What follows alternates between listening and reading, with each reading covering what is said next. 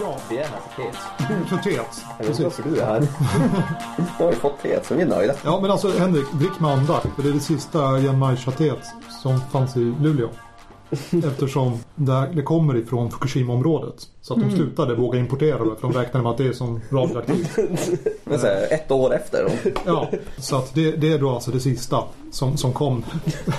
Det är, nog Innan, det, innan liksom handelsblockaden kom. det är nog det sista på ganska lång tid. Ska vi eh, börja detta tionde avsnitt? Ja, just Tror, tror jag att det blir. tionde. Du släppte ju nionde här. Jag släppte nionde i förrgår, igår.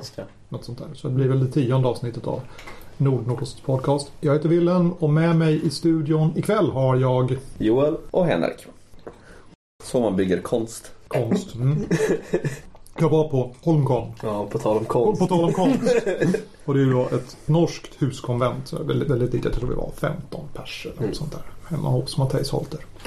Och en del av spelen som de här människorna spelade. Det, ja, de hade själva som slutat ställa frågan är det här ett spel? För det var så ofta de var tvungna att säga nej. Så de hade ja, andra aktiviteter som liknade rollspel. Men, men som de själva liksom blundade för frågan är det här ett rollspel? Eller är det ens ett spel? K- Kan du ge någon sorts exempel på det här? Eh, ja, på, på lördagskvällen så eh, hade, jag, hade jag spelat. Vi var som redo att packa ihop för, för kvällen och gå, gå och lägga oss mer eller mindre. Kommer eh, Fredrik in då. Som är, ja, jag hade spelat med honom tidigare. Han var med på Daughters of Verona tidigare. Ja, att du hade spelat in och jag, jag vill också testa spela in. Jag har tagit med mig ett spel här då. Vi, vi, vi ska vara fyra stycken. Vi samlar ihop fyra personer och så sätter vi oss liksom. Riggar upp micken jättepropert och sådär. Liksom. Ja, jag vill spela mitt spel eh, The Memories We Didn't Live. Bara, Okej. bara titeln på varningsklockan. Och det gick till på det viset att alla gjorde en rollperson som var liknade sig själv men inte var sig själv. Och den hade då ett tre. Den hade ett namn som skulle vara inspirerat av ens vanliga namn men inte var ens riktiga namn. Så jag hette Viktor. Då. Ja. Eh, och så skulle man ha ett, eh, ett födelsedatum som liknade det man hade men inte var det man hade. Eh, och så skulle man komma någonstans ifrån som inte var där man kom ifrån men, men, men liknade, var i närheten liksom sådär. Så jag, jag spelade då någon, någon, någon kille som var född andra mars, nej andra juni i Varberg. Och sen gick det till på det viset. Man, man, man satt i en cirkel och så presenterade man sin roll så här, first person. Ja, jag, jag heter Viktor, jag är född och jag kommer från. Och sen så turades man om att göra utsagor om de andras roller. Och alltid började med Jag minns inte när. Alltså, ja, ja, min, min första utsaga var Jag minns inte när vi... Nej, man började alltid med att tilltala personen. Ja, jag kommer inte ihåg vad hon hette. Liksom, någon, någon, någon av de andra rollpersonerna. Jag minns inte när vi eh, lekte som barn på stranden. Och, och plaskade i vattnet liksom. Sen så letade vi efter din katt. Och allting var liksom, jag minns inte. Jag minns inte. Så ingenting som hände i spelet hade då hänt hänt på låtsas.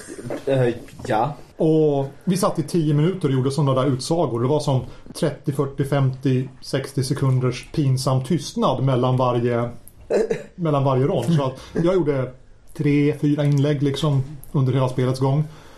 Och sen så slutade det med att man presenterade sina roller igen efter 10 minuter. För det var som en, del, en, av, en av de få reglerna. Då, liksom. Ja, och spelet håller på i 10 minuter. Sen slutar vi liksom. Genom att presentera våra roller igen. Och så har vi spelat det. Men, ja, och, och Fredrik var ju eld och lågor liksom. Ja, jättebra standard, standardinspelningen liksom. Och, och, och var, var hur nöjd som helst liksom. Och de här eh, tjejerna jag spelade med som har spelat en del sådana här norska kulturspel tidigare liksom. Mm, bra, Kulturspel. Eh, bra spel. Eh, nickade gillande och kommenterade, kommenterade de starka känslorna liksom och sådär. Och jag satt som, ja, som första gången jag spelade så här friform liksom. Vad håller de på med? Spelar de fortfarande spel? Och i bakhuvudet hade jag då avsnittet när Elin var på besök och vi diskuterade an- andra sorters rollspel. Alltså att man inte ska fördöma folk som spelar på, på fel sätt. Alla sätt att spela är jämlika. Fast ja, vi, en del spel är mer jämlika än andra. Okej, det var... Du skulle inte presentera en roll på slutet och inte undvika då alla de här utsagorna. det var inget sånt. Nej, nej, nej. liksom. Utan, nej. Eller använda dem eller sånt. Det var inte att någon annan skulle liksom Jag minns inte när vi lekte vid stranden och den andra personen sa Jo men det var Nej, ju... nej, nej, nej. Jag, jag, Okej. Vi turas om att tala om saker vi inte kommer ihåg. Ja. Alltså spontant. Och visst, jag, jag är helt med dig liksom att, att avsnitt 7 är jättebra. Det är kanske det bästa avsnittet någonsin för Elin. Liksom, a bas. Men Det känns som att det här är liksom rollspelens motsvarighet av 60-tals liksom beatnik hipster som sitter med bongotrummor och bara Yeah. Ja, här läste On the Road. Förändra mitt liv daddy yo. Lite så. Jag, Ja. jag vet inte. Jag har... Ja. Fine att vara artsy men alltså artsy for artsy sake då blir det bara pretentiöst. Ja, ja, men alltså jag vet inte om det var för Archie Shake. Alltså han, han är poet och grej. Jag fick hans diktsamling med mig när, när, vi skildes liksom. Ja. Eh, jag håller på med lite grann med musik och sådär. Så att, eh. och, och när du säger trummor. Eh, vi spelade Daughters of Verona på, på fredagskvällen. Det var en bra omgång. Samtidigt, en trappa ner, så satt Thomas Mörkryd, alltså killen bakom Fabula och de här norska rollspelspoesierna, eller rollspelsdikterna. Ja. Eh, Alltså är det Norwegian style? Ja, Okej. där. Eh, Det är ju flera som skriver Ja, på Norwegian. Style. Men till exempel. eh, Han satte upp ett spel som var inspirerat av eh, sådana noider, samiska schamaner liksom. Och alla spelarna hade varsin trumma och så satt de i någon cirkel där och, och trummade. Och det, det var, fanns någon sorts mekanism runt hur man skulle trumma. Så vi satt en trappa upp och, och, och spelade. Och med jämna mellanrum så kom det liksom så här rytmiskt eh, dunkande nerifrån. För då var de i en sekvens av spelet och de skulle spela trumma. De jojkade inte i alla fall. Nej, de jojkade inte. Jag, jag hörde aldrig dem säga någonting. Utan det var, det var trummorna som fick tala på något vis. Eh, kanske pratade de i normal samtalston så det gick inte upp genom huset. Men... Vi, vi har i, i Lost så har vi ett sånt stående skämt som jag plockar från webbserien Waregeek. För då är det liksom en serie där när, när liksom indiespelarna går förbi och liksom sätter upp liksom första panelen så kommer någon med liksom fyra hattar på sig och bär på 18 hattar till. Och sen i andra panelen så kommer någon, någon till och sen i tredje så kommer det liksom en tjej bärandes på en skål med bläckfisk. Så att, för, för oss är det liksom så fort vi stöter på något spel som är liksom för konstigt så kommer liksom frågan, eller som är liksom konstigt, eller som är out of the blue så kommer alltid frågan bara ah, var kommer bläckfiskskålen in? Jag, jag tror att vi har liksom något sorts motsvarighet här i ett riktigt spel liksom. När, när, när tar vi fram trolltrumman? Är det conflict resolution? Jag undrar om jag som fullständigt omusikalisk skulle klara av ett sånt spel. Ja, jag, jag, vet inte. Det, det, det ställdes inte som, som krav när han pitchade spelet att man skulle vara musikalisk. Eh, Men man skulle vilja delta på någon, någon sorts resa liksom. Ja. Å andra sidan, det är ju som, eh, vad heter det, det är som Sea Dracula. Där det, liksom, där, där det verkligen spelar roll hur bra man är. För att hela, hela liksom conflict resolution är att man har en dance-off mellan spelarna och sen så ska de andra liksom rösta på vem som typ dansar bäst. Ja, det är ju dock väldigt... Det, det är för övrigt ett spel om eh, advokater i Animal Town. så att man, man ja. de- Den briljanta advokaten Sea Dracula som är en giraff i kostym. Ja, det, Ja. det är ett intressant spel. Ja.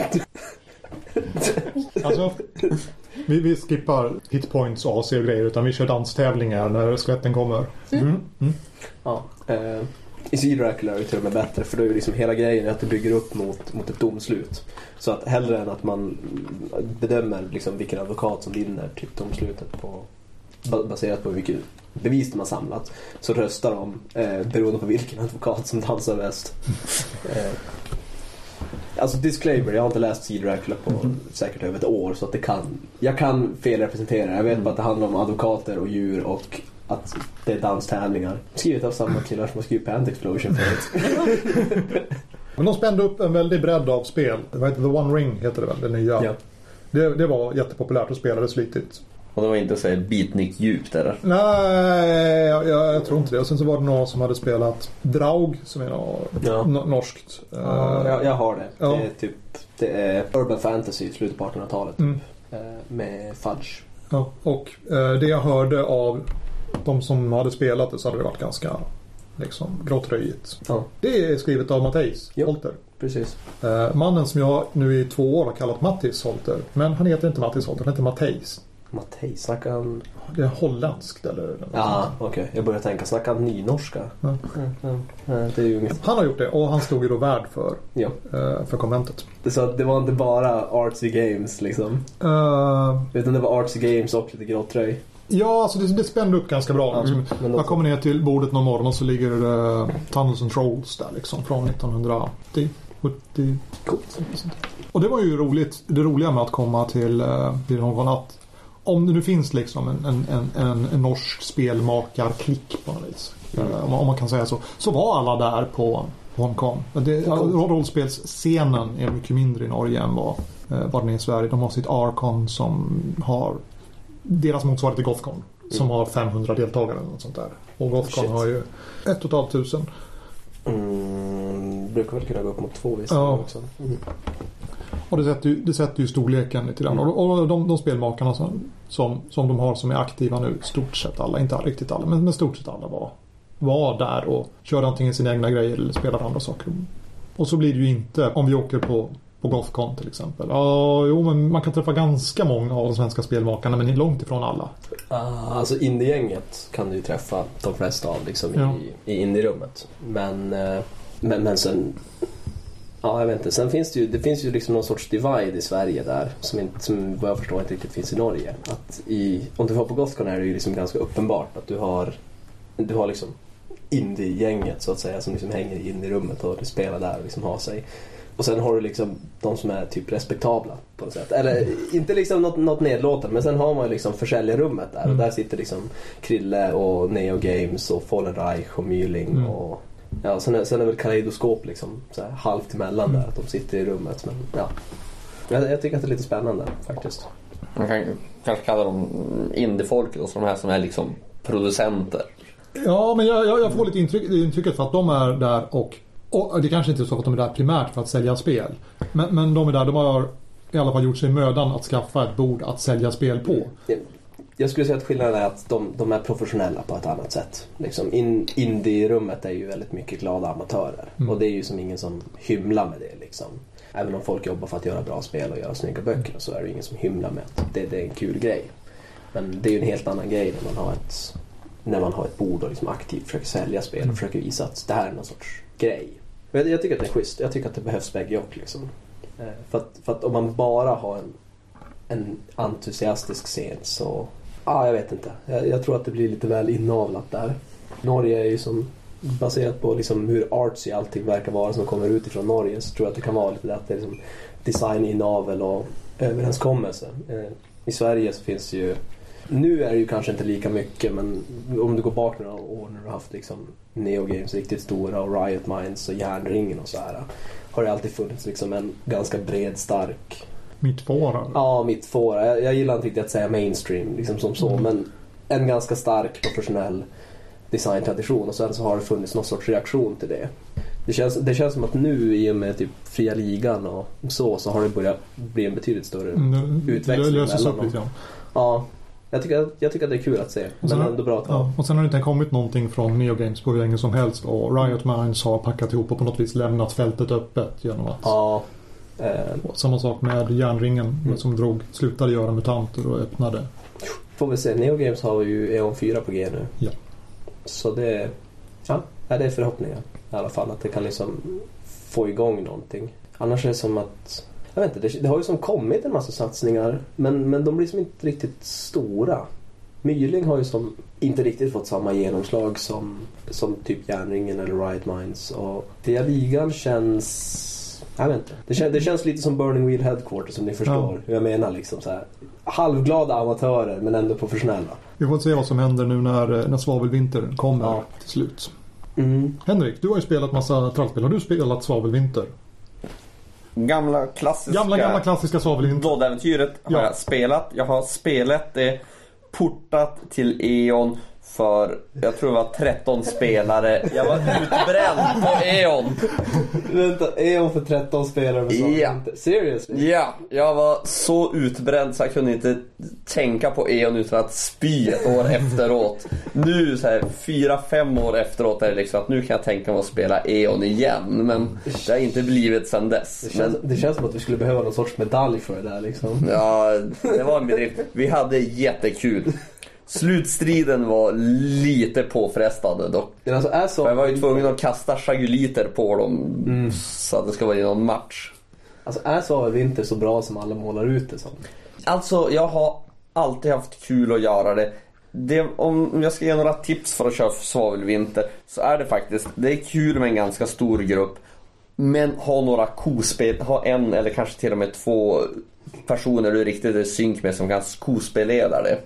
Wilhelm och jag har ju spelat med två spelledare Mm. en gång. Men då var jag spelare. Jo, Men då hade jag en kamrat då som var spelledare med mig och vi var fruktansvärt i synk, tänkte i princip likadant. Och det blev jättebra. Men det var i svavelvinter också, här måste jag få berätta för det här var en episk sak som mina spelare gjorde. De skulle ta sig in på ett ställe, jag ska inte spoila, försöka spoila så mycket men de skulle Du bryta ska försöka spoila en liksom 28 år gammal kampanj. Ja, det är viktigt det. Nej, så gammal är inte. Men 20 år någonting. Liksom. Ja, okej. Ja, ja, nej, men de, de skulle ta, göra ett vanligt inbrott på ett ställe.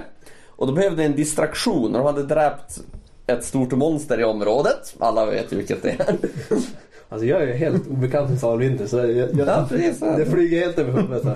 Ja, i alla fall. Så då satte den an, de gruppen som inte var med på inbrottet, de satte upp en opera över det här för att distrahera befolkningen. Så vi spelade inbrottet. Under tiden gick de andra ut och repeterade sin opera. Sen fick de komma in och spela operan och så fick de som hade gjort inbrottet spela publiken. Och det var ju det att den som hade huvudrollen i operan, han är jätteduktig musikaliskt på att sjunga och så vidare. Så det blev helt fantastiskt och jag tror att de fick tre gånger så mycket X, bonus X liksom, de som hade varit med och gjort inbrottet och gjort allt, inklusive alla deras slag. Spel, speltipsen bara haglar här. Eh, Spelled med flera spelledare. Bra tips. Eh, Låt de inaktiva spelarna vara spelledarpersoner i andra scener. Spela publiken. Är- Ja. Jag tror att det viktigaste tipset vi kan ta med oss här Opera. är Sätt upp en opera. Put on a show. Ja, men den var helt fantastisk opera alltså. Det var... Ja. Så Om svavelvinter är bra eller inte? Jo, det är bra. Okej. Om jag skulle tänka efter på allt. För det finns på den här kontinenten finns så mycket du kan göra. Du behöver inte, det är så väldigt olinjärt om man använder liksom Ja. det. Man kan jämföra med Mass Effect ungefär. Du kan, liksom, du kan köra flera sidoquests, du behöver inte köra andra. Det finns olika saker att göra Ja. och det finns en stor mäktig slutfight. Fienderna är ju då typ nazister. Så Alltid helt bra att vara nazister. Ja, nej, för, Och- för mig är det så att efter att ha, efter att ha spelat Snösaga så är jag, jag är väldigt misstänksam mot alla, eh, alla kampanjer som kallas den bästa någonsin eller som hyllas som så här, skitbra kampanjer. Är jag otroligt misstänksam mot för Snösaga suger. Ja, nej. Ja, eh, och vi hade ju, eh, när Joel var här sist så pratade vi just om svavelvinter och konstaterade att målgruppen för det nya svavelvinterrollspelet måste ju vara de här då drygt 30 vid det här laget gamla rävarna som spelade svavelvinter en gång i tiden. Och nu, åh, oh, finns det inte ett rollspel om svavelvinter? Det måste jag köpa. Eh, Så Henrik, kommer du att köpa svavelvinter? Ja. Ehm, Eller vill du ha en diskussionspunkt där? Ja, jag, jag tror däremot att för ärlighetens skull så kan vi nog konstatera att vi inte är ett helt representativt urval. För jag, jag tror av någon anledning att det finns någon skillnad mellan eh, gamla rävar som har spelat Svavelvinter någon gång och kan tänka sig köpa Svavelvinter på det. Och gamla rävar som har spelat Svavelvinter i Eon för 13 pers och dyker upp på svenska rollspelspodcasts. Det finns liksom en, det finns en, en skillnad i mängden fanatism så att säga. Ja, jag bara för att förtydliga. Jag är utbränd på E.ON, eller jag var utbränd på E.ON, inte på svavelvinter. Kampanjen, det är en annan. Och jag kan ha en annan fantastisk, det var gruppen också. Den var helt, det var en av de mer skruvade. Vi hade några, kamrat, några kamrater som kom med efter att vi hade kommit en bit i spelet. Ja. För det pågick ju ett tag där. Det blev ju liksom in- inhopp och avhopp. Och de kom in och tyckte att ni är fullständigt skvatt galna. Och efter två, tre möten när det kom in en annan så skrek att ni är fullständigt skvatt galna sa de som var lite tidigare, lite, lite äldre nykomlingar att ah, du vänjer dig. Vi hade helerskan som upptäckte någon, att när, vår shaman, när deras shaman svimmade så tittade de, på, eh, tittade de över henne och upptäckte att "Ah, hon har slutat andas men jag ser inga fel på utsidan. Alltså måste felet finnas på insidan och sluta upp sin skalpell. Gött. Ja, hon hann inte skära så mycket. Jag älskar när man får såna där ögonblick liksom när, eh, eh, när liksom spelarna off fattar att liksom shit, de här rollpersonerna som vi älskar är liksom vad ska man säga Samhällsfarliga. samhällsfarliga massmördande psykopater ungefär. Det, det är helt fantastiskt när man får det klicket. Eh, jag, jag lyckades verkligen få en sån eh, realis- realisation i eh, på Savcon när vi spelade Pant Explosion senast. För liksom, demonen var en sjöjungfru som eh, eh, typ ville ha kompisar. Det var liksom hennes hemska, hemska plott, att hon var ensam för att hon var tvungen att bo i skolpoolen och så ville hon ha kompisar. Så gjorde hon en deal med, med, med en rollperson och eh, för att hon förklädde sig som en skolflicka såklart, var mobbad i klassen. Så gjorde hon en deal med en av rollpersonerna som, typ, jag minns inte vad rollpersonen fick men sjöjungfrun fick i alla fall hennes popularitet och så fick hon typ kompisar och blev jättelycklig. och till slut då så konfronterar de ju det här och tänker att ah, det, det är en skithemsk sjöjungfru. Och hon bara, men, men, men. Och då, då blev det så schysst för han spelaren som, som hade bytt bort sin popularitet var ju asur på henne och liksom fast besluten på att han skulle ha ihjäl den här sjöjungfrun. Och hade det. Eh, liksom satte eld på, eller inte satte eld, men liksom kokade vattnet i poolen. Liksom verkligen kokade henne levande. Medan de andra spelarna stod där och bara ett och... Det är japanskt på något sätt liksom verkligen så här. Det var, det var schysst liksom. Det, det, det kan låta liksom, när man beskriver det här så kan det låta som en cheap shot. Eh, att, att jag som spelledare satt där och försökte bara "Ö, nu ska de få lära sig en läxa bla bla. Men, men det blev inte så utan det blev mest bara Ja, vi har sjöjungfru. Ja, hon typ gör det här för att det var ju spelaren som erbjöd liksom vad som helst. Ja, men får jag det där då? Och sen så bara kom det sig så. Eh, och sen till slut så fick alla liksom en realisation att bara Shit, den här rollpersonen är fucking crazy. Coolt. På tal, på tal om det, det har kommit ett finskt Stalker-rollspel Ja. nu. Som är svindyrt för att han betalar, För att han betalar Strugatsky, precis. betalar royalties där utan att behöva. Eh, som Kanoj förklarade det här, för jag postade länken på Mm. forum. Han kollade liksom bara, innehåller det här spelet ett onödigt eh, kortbaserat eh, inventory management metasystem? Nej. Verdict, kastspel. Det, är, det är liksom den största behållningen med Valrost Alka hemmabygge. Det är att man har inte ett inventory där man skriver ner utan han har liksom suttit sig och så har han gjort liksom lappar med bild och med liksom titel och med stats och liksom beskrivningar på alla vapen och på, på allting. Liksom, inklusive olika sorters cigaretter, eh, MRE packs, eh, mystery meat packs eh, olika sorters sprit, alltså liksom hur mycket som helst. Alla olika sorters ammunitionstyper liksom. Så att då sitter man där och så bara, ah, ja men jag, har, jag, använder, jag använder det här prickskyttegeväret med, med det här siktet. Eh, olika sikten beroende på om man har eh, NATO eller ryska eh, hå- liksom sikteshållare på geväret. Så liksom jag använder det. Varje runda så har man då valet att eh, när, när man ska skjuta så har man då såklart valet att man kan eh, spendera en plupp ammunition för att förhöja sitt initiativ 1 om man inte får skjuta. Eh, och när man skjuter så spenderar man en plupp ammunition och så står det på vapnet hur många liksom, ammunitionsmarkörer man kan spendera innan man måste ta en handling och ladda om och då går man ner i initiativ. det låter som att det är en jävla gimmick men det funkar ashäftigt eh, i spel. Det är, jättecoolt eftersom att det blir efter striden inte liksom ja ah, ni har typ dödat dem och ni hittar det här utan det är liksom ja ah, striden är över, ja vi söker deras kroppar. Så bara lägger han fram liksom en hög med lappar. Ja ah, det här är vad de har på sig. Så bara ah, AK47, AK47, ah, de har vi redan, de, de lämnar vi liksom. Bara ge tillbaka allting. Ja ah, vem behöver ammunition? Ja. Mm. Ah, har, alla, har alla mat? Behöver vi morfin? Vem är medic liksom? Så, Cool! faktiskt. Men det här är Stalker, det här spelet som ska in mot Tjernobylreaktorn Ja. och spränga. Ja. Precis. Eh, vi, vi spelade en lång kampanj som var svinhäftig. Eh, där, äh, det var tråkigt. Vi, hela kampanjen var ju som att vi ska ta oss in i hjärtat och önska, liksom, önska det vi vill ha. Eh, och vi spelade så sjukt coola grejer och typ reste i tiden och jag spelade någon sorts halvzon messias som typ kunde liksom påverka så, att, eh, vad heter det, anomalies med hjärnan och så. Det var för övrigt i den kampanjen som det var tack vare den kampanjen som jag vann Kagematsu också. Ja, hur många var det som tävlade i Kagematsu-tävlingen? Fyra, fem pers tror jag. Jag ska prata Kagematsu-tävling också. Eh, Det går, går ju att klippa bort ifall Ja. det inte blir coolt. Uh, Åsa Ros Ja. på sin blogg Discordia. Discordia.se hette den så då också? Jag har för mig att den har bytt namn någon vända. Eh. Men, Nej, det var på, det var på Discordia-tiden. Ja. Det var efter att de bytte namn. Det måste ha varit i... ett år sedan, två år sedan. Nej, det borde ha varit i somras tror jag. Så nyligt? Ja, kanske. Ja, eller i våras någon gång. Jo, det måste ha varit. Det måste ha varit i våras för det var då vi spelade kampanjen. Ja, hon hade, hon hade en tävling där hon lottade ut, eller hon hade fått ett extra ex Kagematsu vill jag minnas. Det var, för hon recenserade till Fenix. Så hon hade två ex vad jag förstod. Och då hade hon där en tävling att den som liksom beskrev den coolaste eller eh, man skulle beskriva sina kärleksberättelser i alla fall i, eh, i kommentarerna.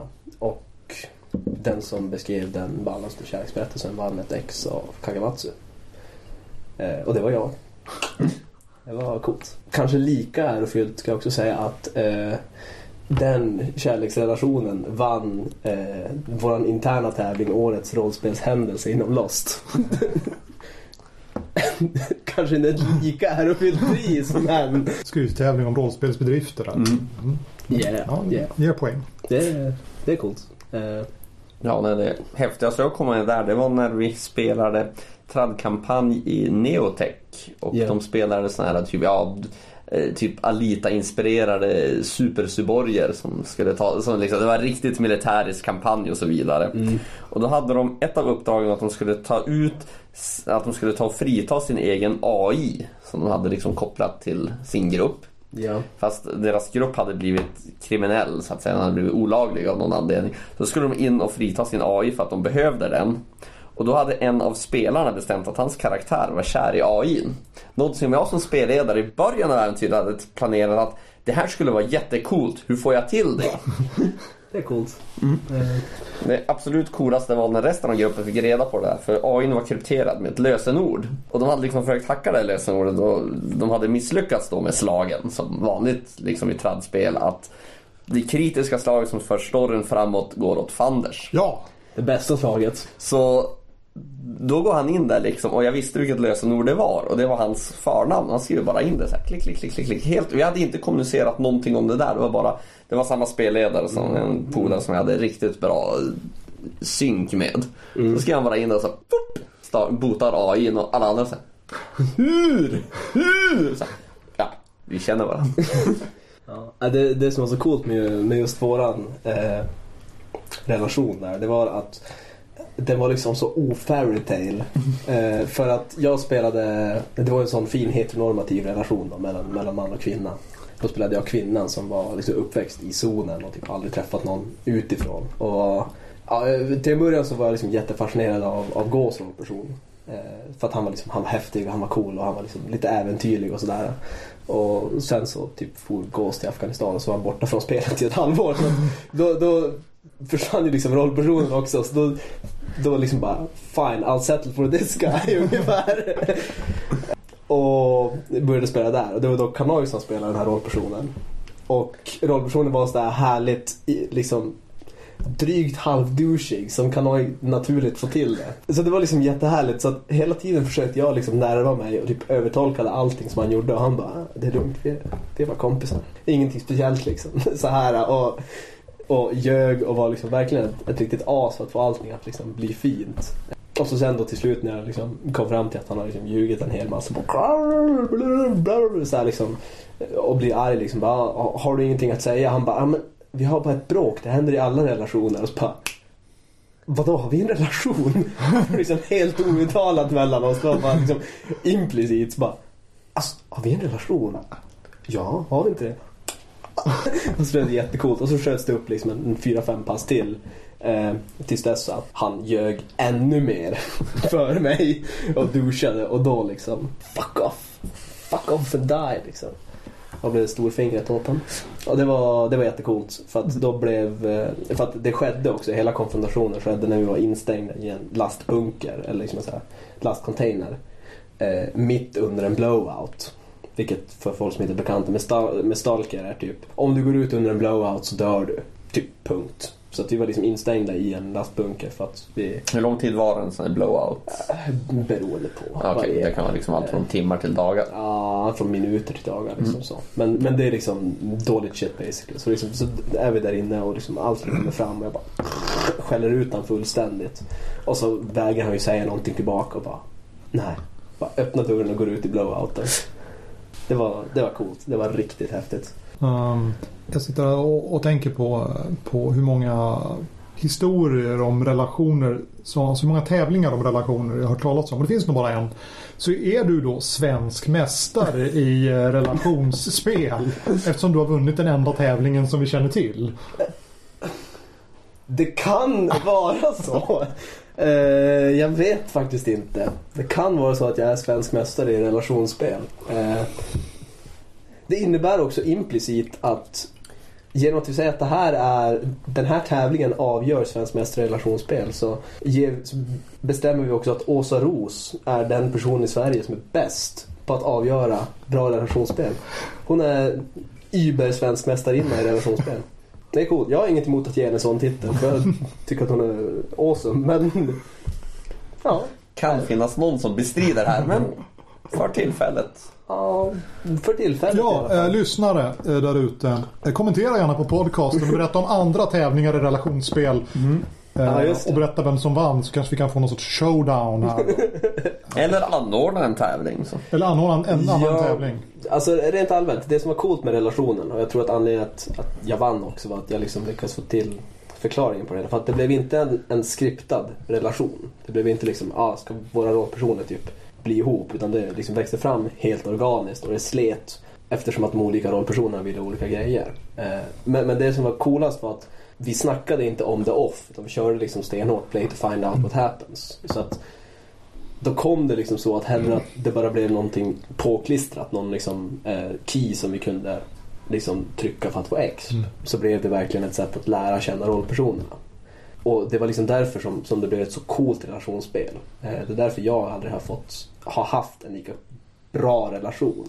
Eftersom att annars blir det väldigt lätt påklistrat. Men här blev det liksom verkligen, verkligen ett sätt att lära känna rollpersonerna och lära känna hur agerar de och hur tänker de och hur behandlar de varandra och vad prioriterar de. Men vi hade någonting liknande och det här var då i Feng Shui också transspel. Mycket Ja, fast, fast, fast Feng Shui är ju... Ja. Det är frågan om, om det är... Alltså ja, det, det är tra- utgett av ett stort bolag och, och så vidare och så vidare och så vidare. Men alltså spelformen med den här fria hittepået som jag tycker så illa om. Eh, den är, liknar ju det som vi ser Jo. i, av dagens indiespel. Ja, och kan också vara att nämna liksom en, en så här liten caveat här är att Stalker rollspelet som vi spelade, alltså det är neotrad egentligen. Mm. Det är inte pure indie utan det är Visst, vi har snott keys från yttersta domen och så men, Mm. men det är neotrad Mm. i, hur, i hur storyn är uppbyggd och hur vi spelar input och liksom hur Mm. konfliktsystem och allting sånt funkar. Så att man behöver inte, inte mekanik eller spelfokus för att spela på relationer. Jag kan, till och med tänka, jag kan till och med tänka mig att vissa immersionister går och säger att man ska ha tvärtom. Man ska ha så lite sånt som möjligt för att det ska kännas riktigt. Men i alla fall, där var, hade jag, vi då två karaktärer och de var så diametralt motsatta och kom så lite överens i allt. Så det enda som fungerade var liksom att de skulle bli intresserade av varandra till slut bara. Opposites attract. För de var aldrig överens om någonting tror jag. Det var ett riktigt stormigt förhållande men det var också kul. Men vi kom som aldrig så långt i det. Det var no- någonting där som visade sig i någon stressad situation på sin höjd. Ja. Annars måste jag också berätta om det minst roman, den absolut sämsta jag någonsin hört talas om. Där det var det stora slaget som liksom var på gång när de goda skulle möta de onda armén. Och det är den här prinsessan som är intresserad av en av äventyrarna. Så hon tycker liksom att åh nej, gå inte ut i slaget. Är det någonting jag kan göra för dig nu för att få dig att ändra, att ändra dig och stanna hos mig? Varpå han vänder sig om till henne och svarar Har du en schysst ringbrynja? Det förhållandet, han blev av med henne så att säga. Det förhållandet kom ingenstans efter det. Ja, jag, jag höll på att säga jag kan kontra det där med jag spelade Snösaga. För att återgå till att bärsa på Snösaga. Men hur som helst, det finns en... eh, Det, alltså det är en grej i kampanjen är att en av rollpersonerna ska vara ljusets barn. Liksom, som, ja, ni hör vad det är. Mm. Och ljusets barn är såklart... eh, Det finns då en NPC som heter Maria. Oh, symboliskt nog. Som blir kär i ljusets barn och ljusets barn blir kär i henne. Liksom. Det är ingenting man kan göra någonting åt utan det är liksom ödesbestämt. Att basically spelaren säger åt rollpersonen att du är kär i henne nu. Och, och så sen så har de liksom skrivit in en massa skriptade scener som bygger på att, liksom, på att typ Maria dör och så måste man Ja, så här traditionellt fruntimmer i kylskåpet.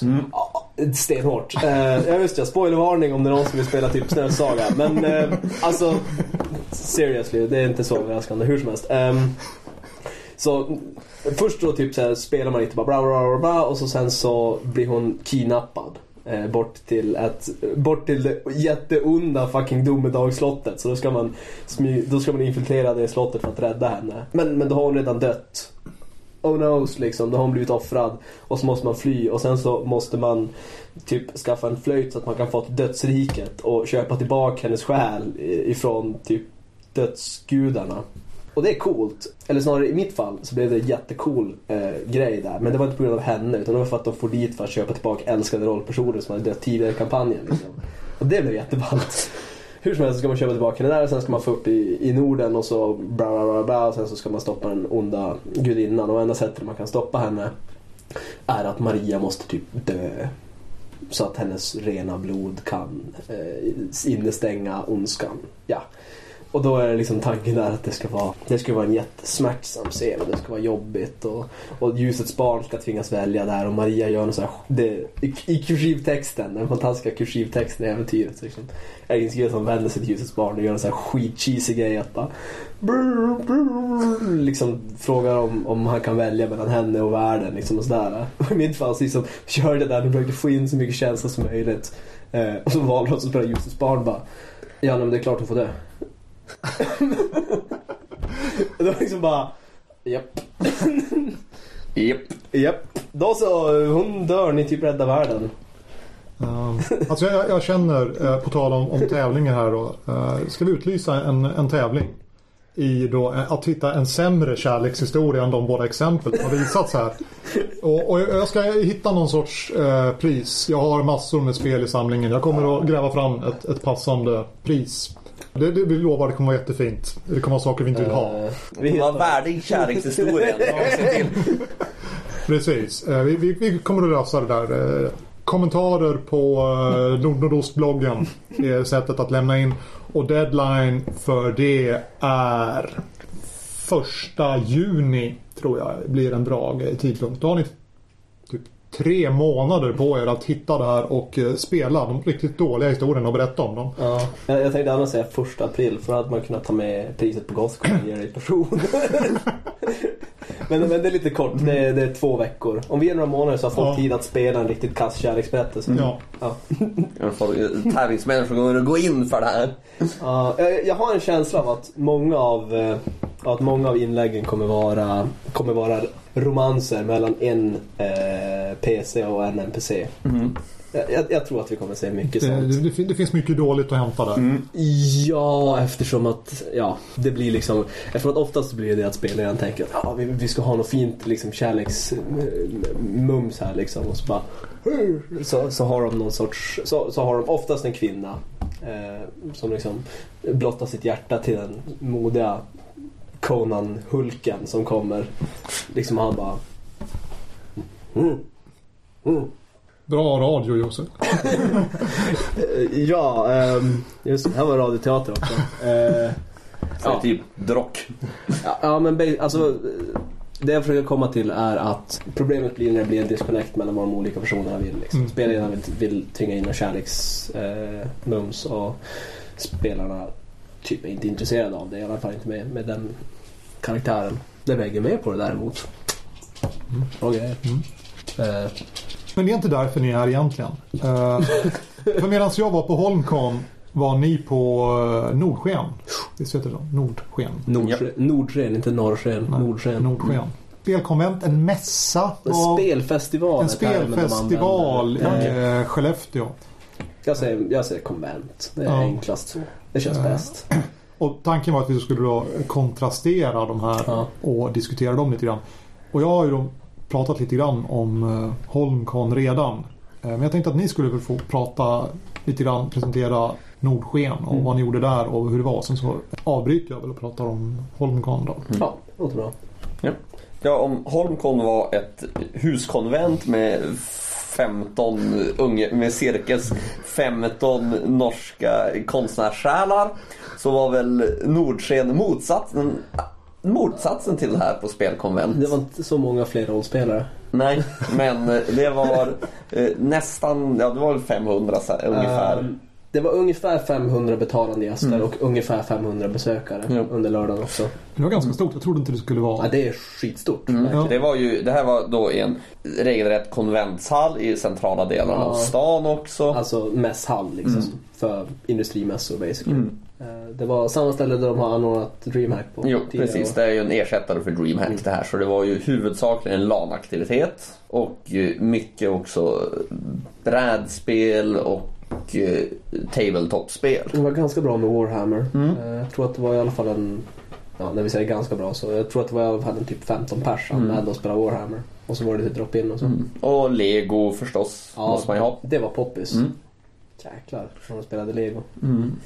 Och försäljning också och så vidare. Så. Precis. Och Eh, vi hade ju ett kryp in där mitt inklämda mitten, alltså indierummet Nordnordost. Ja, precis. Eh, Mitt emellan eh, Nintendos DS3 år Ja.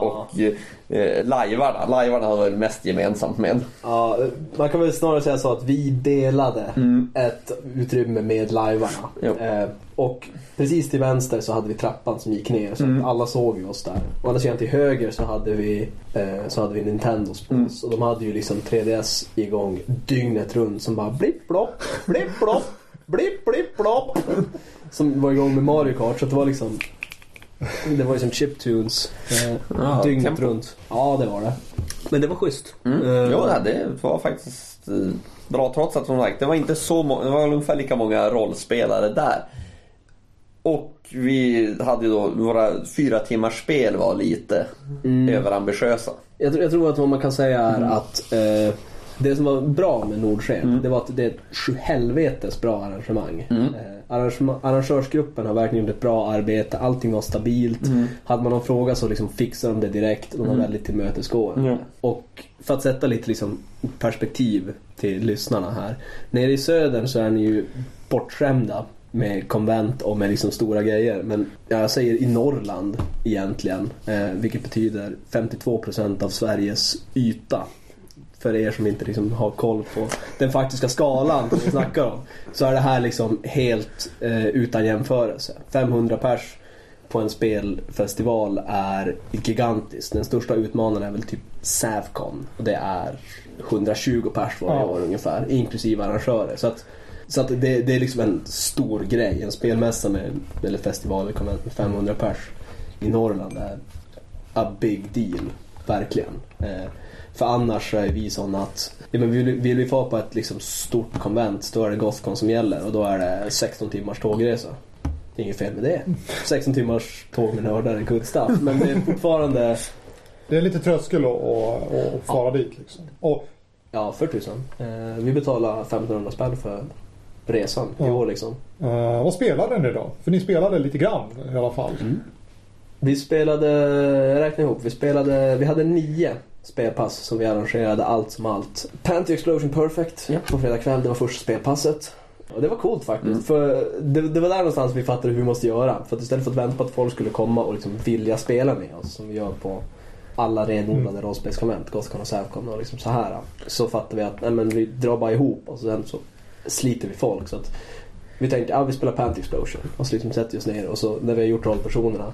Då Så- sa vi som så, kom vi på inbördes att okej, kommer det någon så hoppar liksom någon av oss Precis. ur gruppen för jag har spelat det här för. Ja precis och då, då gick det förbi en kille från Shekai, alltså 8Q-föreningen i Skellefteå liksom och bara "Äh, du vill spela Panty Explosion?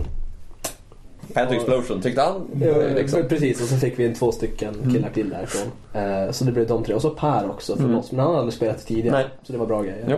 Och sen så spelade vi, jag är lockad att säga bästa spelpass på konventet. Vi spelade Snakes on Play. Mm, ja, jo, men det var ju Pers tolkning av Ernst-Hugo Järegård på Snakes on a Plane. var ju briljant. Alltså man trodde han hade, han, han tjänlade liksom Ja. Ernst-Hugo Järegårds spirit om jag får använda svängen. Ja, verkligen. Eh, alltså, för att ge lite kontext till, till personer här som kanske inte är bekanta med världens bästa rollspel baserat på en filmtrailer. Eh, vi spelar med husregler för att göra det betydligt bättre. För... Min husregel, Vilken är din husregel? att man säger vem som spelar den. Var det din husregel? Det är min husregel. Det är din husregel. Han Coolt. skryter över den så länge jag har hört talas om det i alla fall. Coolt. Eh, det hade jag glömt faktiskt. Men Den är Okej, fantastisk. vi, vi spelar med mina och Wilhelms husregler till Snakes on the Plane RPG. A game about Dire Combat, eh, Personal Drama and Motherfucking Snakes vill jag minnas att taglinen är.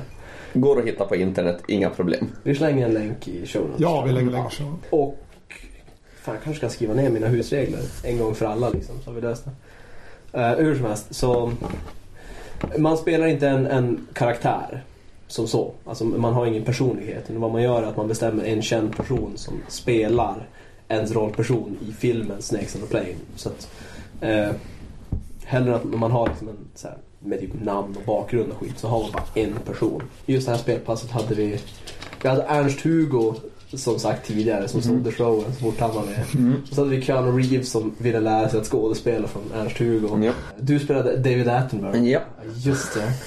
Snakes on a plane. David Attenborough. Det var bra grejer. Och så Keira Knightley. Brian Blessed! Yeah! Brian Blessed! Spelad av Anders såklart så att det passade ju liksom. Alltså de var... Eh. Alla kontaktna Keanu Reeves, Ernst-Hugo Järegård och Brian Blessed var ju fantastiska. Men Ernst-Hugo var ju... Zachary Levy spelade Mm. Olof också. Eh, killen i Chuck. Mm. Fick vi förklarat för oss. Jag visste inte vem det var. Ja. Så det var bra grejer. Mm. Oj, eh, vi behöver inte droppa några scener om vi ska ha Nej. liksom en här familjevänlig. Eh, Nej, men, men precis, premissen med spelet är alltså att de här rollpersonerna är ute och flyger på, med ett vanligt linjeflygplan. Ja, liksom. precis. Eh, Och sen så kommer ormar. alltså Ja. kommer ormar och försöker döda dem. Och sen Då har man en viss tid på sig att... två till sex timmar. Mm. Eh, the Snake Master slår, slår liksom, när man går in i the after goddamn snakes face Mhm. så slår the Snake Master 2 T6 och så många timmar är det tills planet landar. Och eh, eh, sen så, är det, så fort de försöker göra någonting så måste de liksom slå, måste de testa färdigheter och om de lyckas så går om de lyckas med det de försöker så går klockan fram en kvart. Om de, miss, om de misslyckas händer ingenting. Om de är anfallna av ormar så går klockan fram en halvtimme. Mhm. Eh, och sen så måste de... Sen är liksom grejen att varje rollperson har ett mål och om man inte lyckas uppfylla sina mål innan dess att planet landar när tiden tar slut då, så eh, blir man uppäten av ormar och dör. Man kan också bli uppäten i spelet Ja, om, man, får- om man blir Precis. förbiten. Precis. Eh, en av de farligaste grejerna är ju när, när det kommer en glasögonorm och presenterar en med en synnerligt djävulskt sudoku-pussel. Då förlorar man intelligens.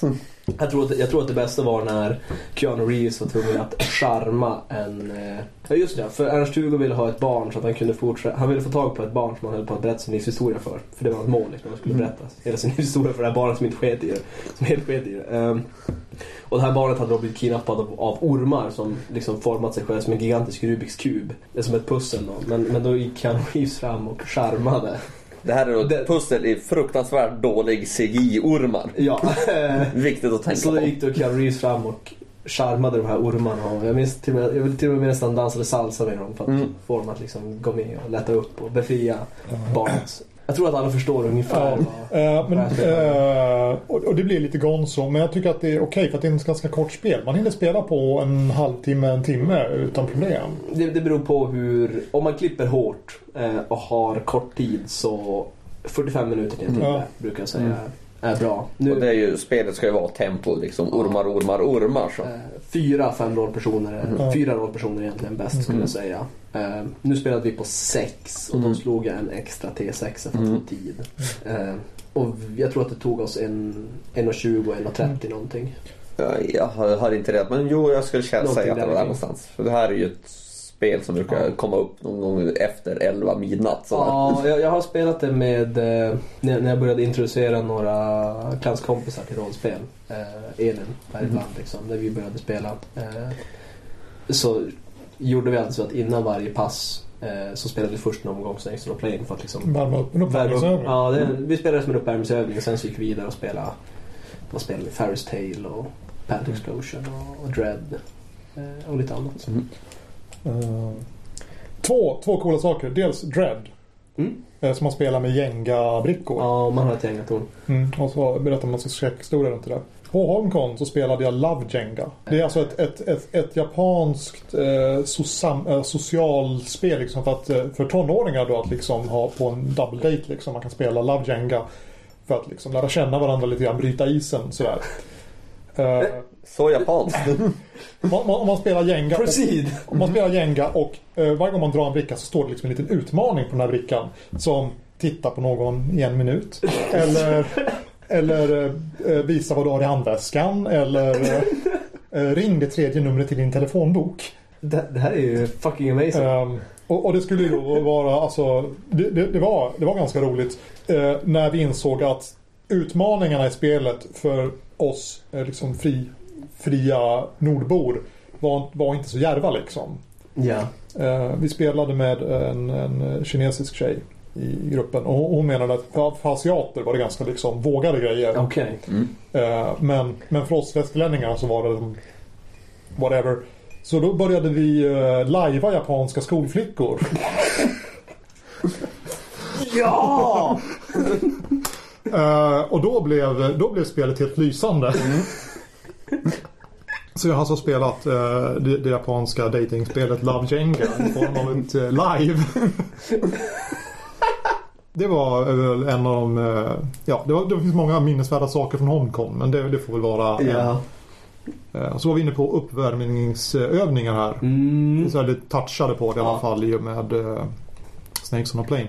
Och när konventet började så hände en fantastisk sak och det tror jag vi ska med oss till, till uh, Sävcon Ja. till exempel. Och det var, vi lekte namnlekar. Just inom nord, nordostspelledarsfären så är det inte så nödvändigt för alla känner alla. Ja, men, men på Holmcon så var det, det fanns folk som inte kände någon som åkte dit. Alltså han gör ju inbjudan på på Hyperion, alla får komma.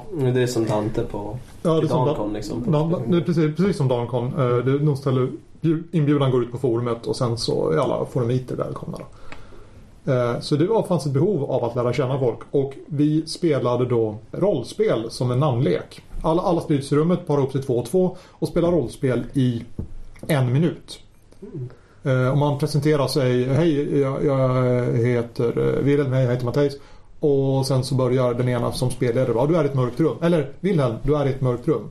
Mattias, ja eh, jag gör det här. Man säger namnet i varje drag. Och sen så efter en minut så ringer klockan och då är det liksom eh, fort byta, hitta en ny partner, Change sig. places! Ja, byta partner och sen så eh, kör man igen. Hej jag heter, hej jag heter. Ja. Och sen så kör man då rollspel i en minut. Eh, Nya rollspel varje minut. Ja, nya, nya rollspel varje minut. Det är coolt. Eh, och det, det går ganska fort. Var, vi var 15 pers och, och det var ju typ, vad blir det? Matem- matematiken här, blir det... Men det borde måste ha 14 om du ska, om du ska och- spela med alla. Ja, precis. Och, och det var varje minut så tickade det liksom. Så att det tog ju en kvart. Och då hade jag eh, hälsat på alla. Jag hade spelat rollspel med alla på, på konventet. Det är coolt. Och eh, även om jag är en människa som är dålig på namn så jag glömde ju bort många namn. Men några stycken kommer jag ihåg och jag hade pratat med alla och eh, spelat rollspel med alla. Det hade liksom någonting om... Men det är jätteviktigt. Eh, För då, känns det som, då blir det också känslan av att alla är där på ungefär alla är där på lika villkor. Alla Ja. är där för att liksom träffa folk och, Mm. och prata. Och, Eh, Så det, det tror jag att vi ska köra på, på Sävcon. Det är om ett halvår. Jag börjar redan planera. Eh, Vi hugger direkt efter invigningen. Och, och, och nu ska vi leka namnlekar. Och, och så kör vi alla som är samlade där. låter, Leta rätt på någon du inte känner och så spelar ni rollspel en minut. Sen så letar du rätt på någon du inte känner. Så får folk lära, lära känna varandra. det låter skitbra faktiskt. Ja, men borde Eh, man ta upp det med arrangörerna också. Så. Ja. ja, ja. De vill nog vara förvarare. Nej, nej, nej. nej. Jag är alldeles för tradd nu. Nej, gerilla. Vi, vi, vi, vi brukar få, få kliva upp på, på scenen. Vi brukar få avsluta invigningen i alla fall. Ja. För att eh, säga ja, och så vinner rummet. Ni kan komma och spontant spela spel med oss ifall ni har fri pass. Eh, så då kan vi lika kidnappa hela eventet. Men det är ju just lite sådana idéer vi behöver till om nästa Nordsken också. Ja, eh, Liksom saker så, okej, kanske en minut är ju lite kort men 15 minuters, 30 minuters ja, spel. precis. Ja, det, Sen, sen precis som jag tog den här äh, analogen, liksom man hookar dem på så här lätta spel 30 minuter så sen när de kommer tillbaka så kan man ju också säga ja men då tar vi och kör en liksom fyra timmars eh, fri, För- skolflickor som första- gråter i regnet. för, första berättelsen är gratis. Andra, alltså, andra får du investera lite. Ja, precis. Eh, Men, men vi fick ju köra lite så att, eh, att för att lite då och då så kom ju in folk och typ Ja, alltså vad är rollspel? Hur funkar det egentligen? Och då blev det liksom så här spontant bara eh, Ja men bla bla du är i en skog liksom. Och så bara köra liksom så här en scen Mm. eh, i typ 3, 4, 5 minuter Mm. vad det blev. Det var ju sådana en minuts rollspel fast lite längre. Ja precis. Eh, Vi fick köra några stycken sådana Mm. det funkar ganska bra. Mm. För övrigt så en av, ett av gängen som kom och spelade där hade ju filmat Mm. när jag spelade med dem. Har du sett den? Nej, Okej. eh, jag måste ta... den är, det är coolt som fan. Mm. De har liksom så här filmat oss och lagt på eh, musik och liksom Ja. sepia-toner och typ bilder. Det, är- det är Eh, var kan man se det här? Youtube. Youtube, eh, show notes. Eh, precis, eller sök på Nordsken. Hardcore rollspel. Det är coolt. Vi lägger det i show notes. Vi lägger det i show notes. Ja. Eh, Jag, måste, jag måste se det, det här har jag fullständigt missat. Ja, den kom upp typ igår. Mm. Okej. Tror jag det, var. Så det här, nu kommer vi ut på ett riktigt stickspår ifrån Nordsken-diskussionen. Men det är något som jag har tänkt, som jag tänkte egentligen skulle snacka om. Det är lite, liksom, vad, vad ska vi ha på Nordnordsbloggen egentligen? Är det liksom är det podcast och information om vad vi gör eller typ spelintryck och, och tips och nyheter liksom och Eh, sånt? Ska, alltså- ska det bli någon sorts indieportal eller? Bloggen är den verkställandes diktatur. Det vill säga, gör du någonting så är det så det ska vara. Eh, eh, och det är ju ganska, ganska spritt. Jag har ju tidigare tipsat ganska mycket om eh, andra podcasts. Jag har skrivit haft någon sorts krönika där jag har pratat om, Mm. om matlagning och andras podcast. Så nu har jag vår egen. Och sen har vi gjort lite översättningar av andra spel och det brukar vi presentera Ja. där. Och, Jag vet att Anders har, Anders postar ju en lyrisk recension över Evolutionens barn också. ja. eh, Bland annat. Eh, Så det är väl fritt fram. Du har ju redan konto så du kan ju bara posta Ja, vad som tror- helst. Om vi ska få lite så här äckligt interaktivt webb på 2.0. Jag, kastar alla buzzwords jag kommer Ja. på här. Jag kan ju som fråga lyssnarna. Eh, Vad vill ni se på? Ja precis. Vad, vad vill ni se? Vill ni att vi snackar om oss själva eller vill ni ha en, en, en mer allmän liksom, diskussion kring indiefenomen eller länktips och så? Eller utvikningsbilder på folk från Indierummet. Ja, det tror jag nog inte att vi vill ha faktiskt. Ja, ja, Ja, just. Vill ni ha utvikningsbilder på långhåriga skäggiga farbröder? Eh, säg till. Ja, ska vi fortsätta dra vad vi gjorde på Ja, Nordsjön? just. Eh, det, var ju, det var ju fredag. det var fredagen. Lördagen spelade vi Fiasko först. Mm. Det var coolt. Eh, det var inte Det var, nej, det var några ny, helt nya där också. Det var två stycken killar Mm. som droppade in. En hade spelat rollspel tidigare, den andra hade inte spelat rollspel. Och han gjorde ett skitbra jobb. han var riktigt, riktigt awesome faktiskt. Eh, och det blev kul också för jag och Anders eh, stafettspelade. För det var mitt under lunchbreaket. Så att det gjorde han och jag en deal att, För då, han och Per spelade det spelet. Och jag vet inte om du satt i monten eller hur det var i alla fall. Hur som helst, Mm. så jag och Malin gick och käkade lunch. Och så sen när vi kom tillbaka så tog jag Anders plats då. Då hade de spelat typ halva akt ett. Så bara, ja okej, vad är det som har hänt? Coolt, då spelar vi. Så spelade jag resten av passet men han gick och ät, åt. Och sen var det, var det då det var evolutionens barn i typ Ja, tre omgångar. nej två omgångar. Två omgångar parallellt. då. Ja, precis. Jag spelade, jag spelade en och Anders spelade Mm. en. Jag hade tre pers. Mm. Eh, plus Malin då, som hoppade in också. Men det var tre nya Mm. som hade kul Mm. eh, åt det. Och Anders, han hade ju typ sex pers till en början där. Och så sen typ när de började så bara droppade allting bort. Så var det två stycken som satt kvar och spelade. Mm. Eh, men de hade kul. Mm. Ja, men det är lite därför på Nordsken behöver man lite Ja. mindre saker. Och jag liksom, kan, kanske man kan göra en fiasko light eller något sånt. Jag, jag, Mm. Ja, jag vet inte. Jag, jag, jag tror att man måste nästan skriva något eget för Jo, att gå jag ihop. misstänker. Men ha någonting som är lite mer, lite mer struktur än du är i en skog. Vad händer? Jag- Alltså, en skog, den fungerar jättebra men Jo, såklart. Mm. Men, men man, man, har en, man har en grundläggande eh, situation som Mm. är lite fantastisk. Mm. Men som inte är för fantastisk. Mm. Liksom. Typ basic fantasy eller basic Ja. science fiction. Eller så liksom. Ja, men det är för att Och så är man- alla vet vad det rör sig om. Jag brukar gilla att ta Star Wars-universet i det här fallet. För det är ingen som inte vet vad det är i princip. Problemet är att kidsen idag har inte samma Star Wars-universum som Nej, du. det har du en poäng i. Eh, De, de som är lite eh, yngre, de har de här fruktansvärda eh, icke-kanon-filmerna med Mm. Jar Jar och company. Vilka då? Ja, det är inte kanon. Synd att man aldrig gjorde några Star Wars prequels. Eh, och ifall vi tittar på ännu yngre spelare, eller eh, eh, intresserade i alla fall, så hamnar vi i de, de tecknade serierna. Mm. Som är en helt annan grej och bättre än... Prequel-filmerna, helt Ja, klart. mycket bättre. Helt klart. mycket bättre än prequel-filmerna. Eh, definitivt. Eh, och sen får man inte glömma alla dataspel som finns också. Mm. Eh, att du har jag vet inte, Knights of the Old Republic kanske inte är någonting kidsen har spelat idag. Men, men du har The Old Republic som har släppts nu och Mm. du har Jedi Knight-serien. Fast det är i och för sig kanske inte heller någonting kidsen idag har Det har spelat. Det alltid var varit- kidsen på min tid som spelade dem. Och man har ju alltid World of War, Warcraft då. Ja, alltså generisk fantasy är Mm. jättetacksamt. All, alla vet att liksom, ja, ni är i en skog, ni ska döda troll. Um, alltså jag känner, vi har, vi har bara berört ytan på eh, både på Holmcon och Nordsken och erfarenheter där. Men uh, ska vi börja fundera på att runda av Ja. för, för ikväll kanske? ja, det tror jag. Ja, jag känner uh, någon sorts krav på mig att jag ska säga något avslutande. Visst. Något avslutande vis, precis, sammanfatta lite grann. Rickard var ju jättebesviken. Han, han laddade hem vårt avsnitt. Ja. Det, med stumparna som blev kvar liksom. Ja. Och så lyssnade han på det och så bara slutade det liksom. Han kom på rollspel.nu och bara Ja alltså det är var ju sunkigt avsnitt. Ni, du brukar alltid säga några no, no, kloka ord på slutet och sen kommer synkmusiken liksom. Det visade sig att han hade ju då eh, fått nedladdningen avbruten så slutade liksom mitt i en mening. Han kände sig lite Ja, Ja just ja. Ehm, på tal om Nordsken och eh, podcast. Så det här Begasin-gänget har ju eh, de som var och intervjuade oss eh, spelade ju in där och eh, har lagt upp den på sin hemsida. Så det finns typ sen, vad ska man säga, 20 minuters eh, intervju nästan. Eh, när vi sitter och förklarar vad rollspel är och vad indie-rollspel är. Eh, show notes. Show notes. Jag, jag kan slänga en länk till den. Det är typ så här 28 minuter in i den samlade podcasten eller någonting.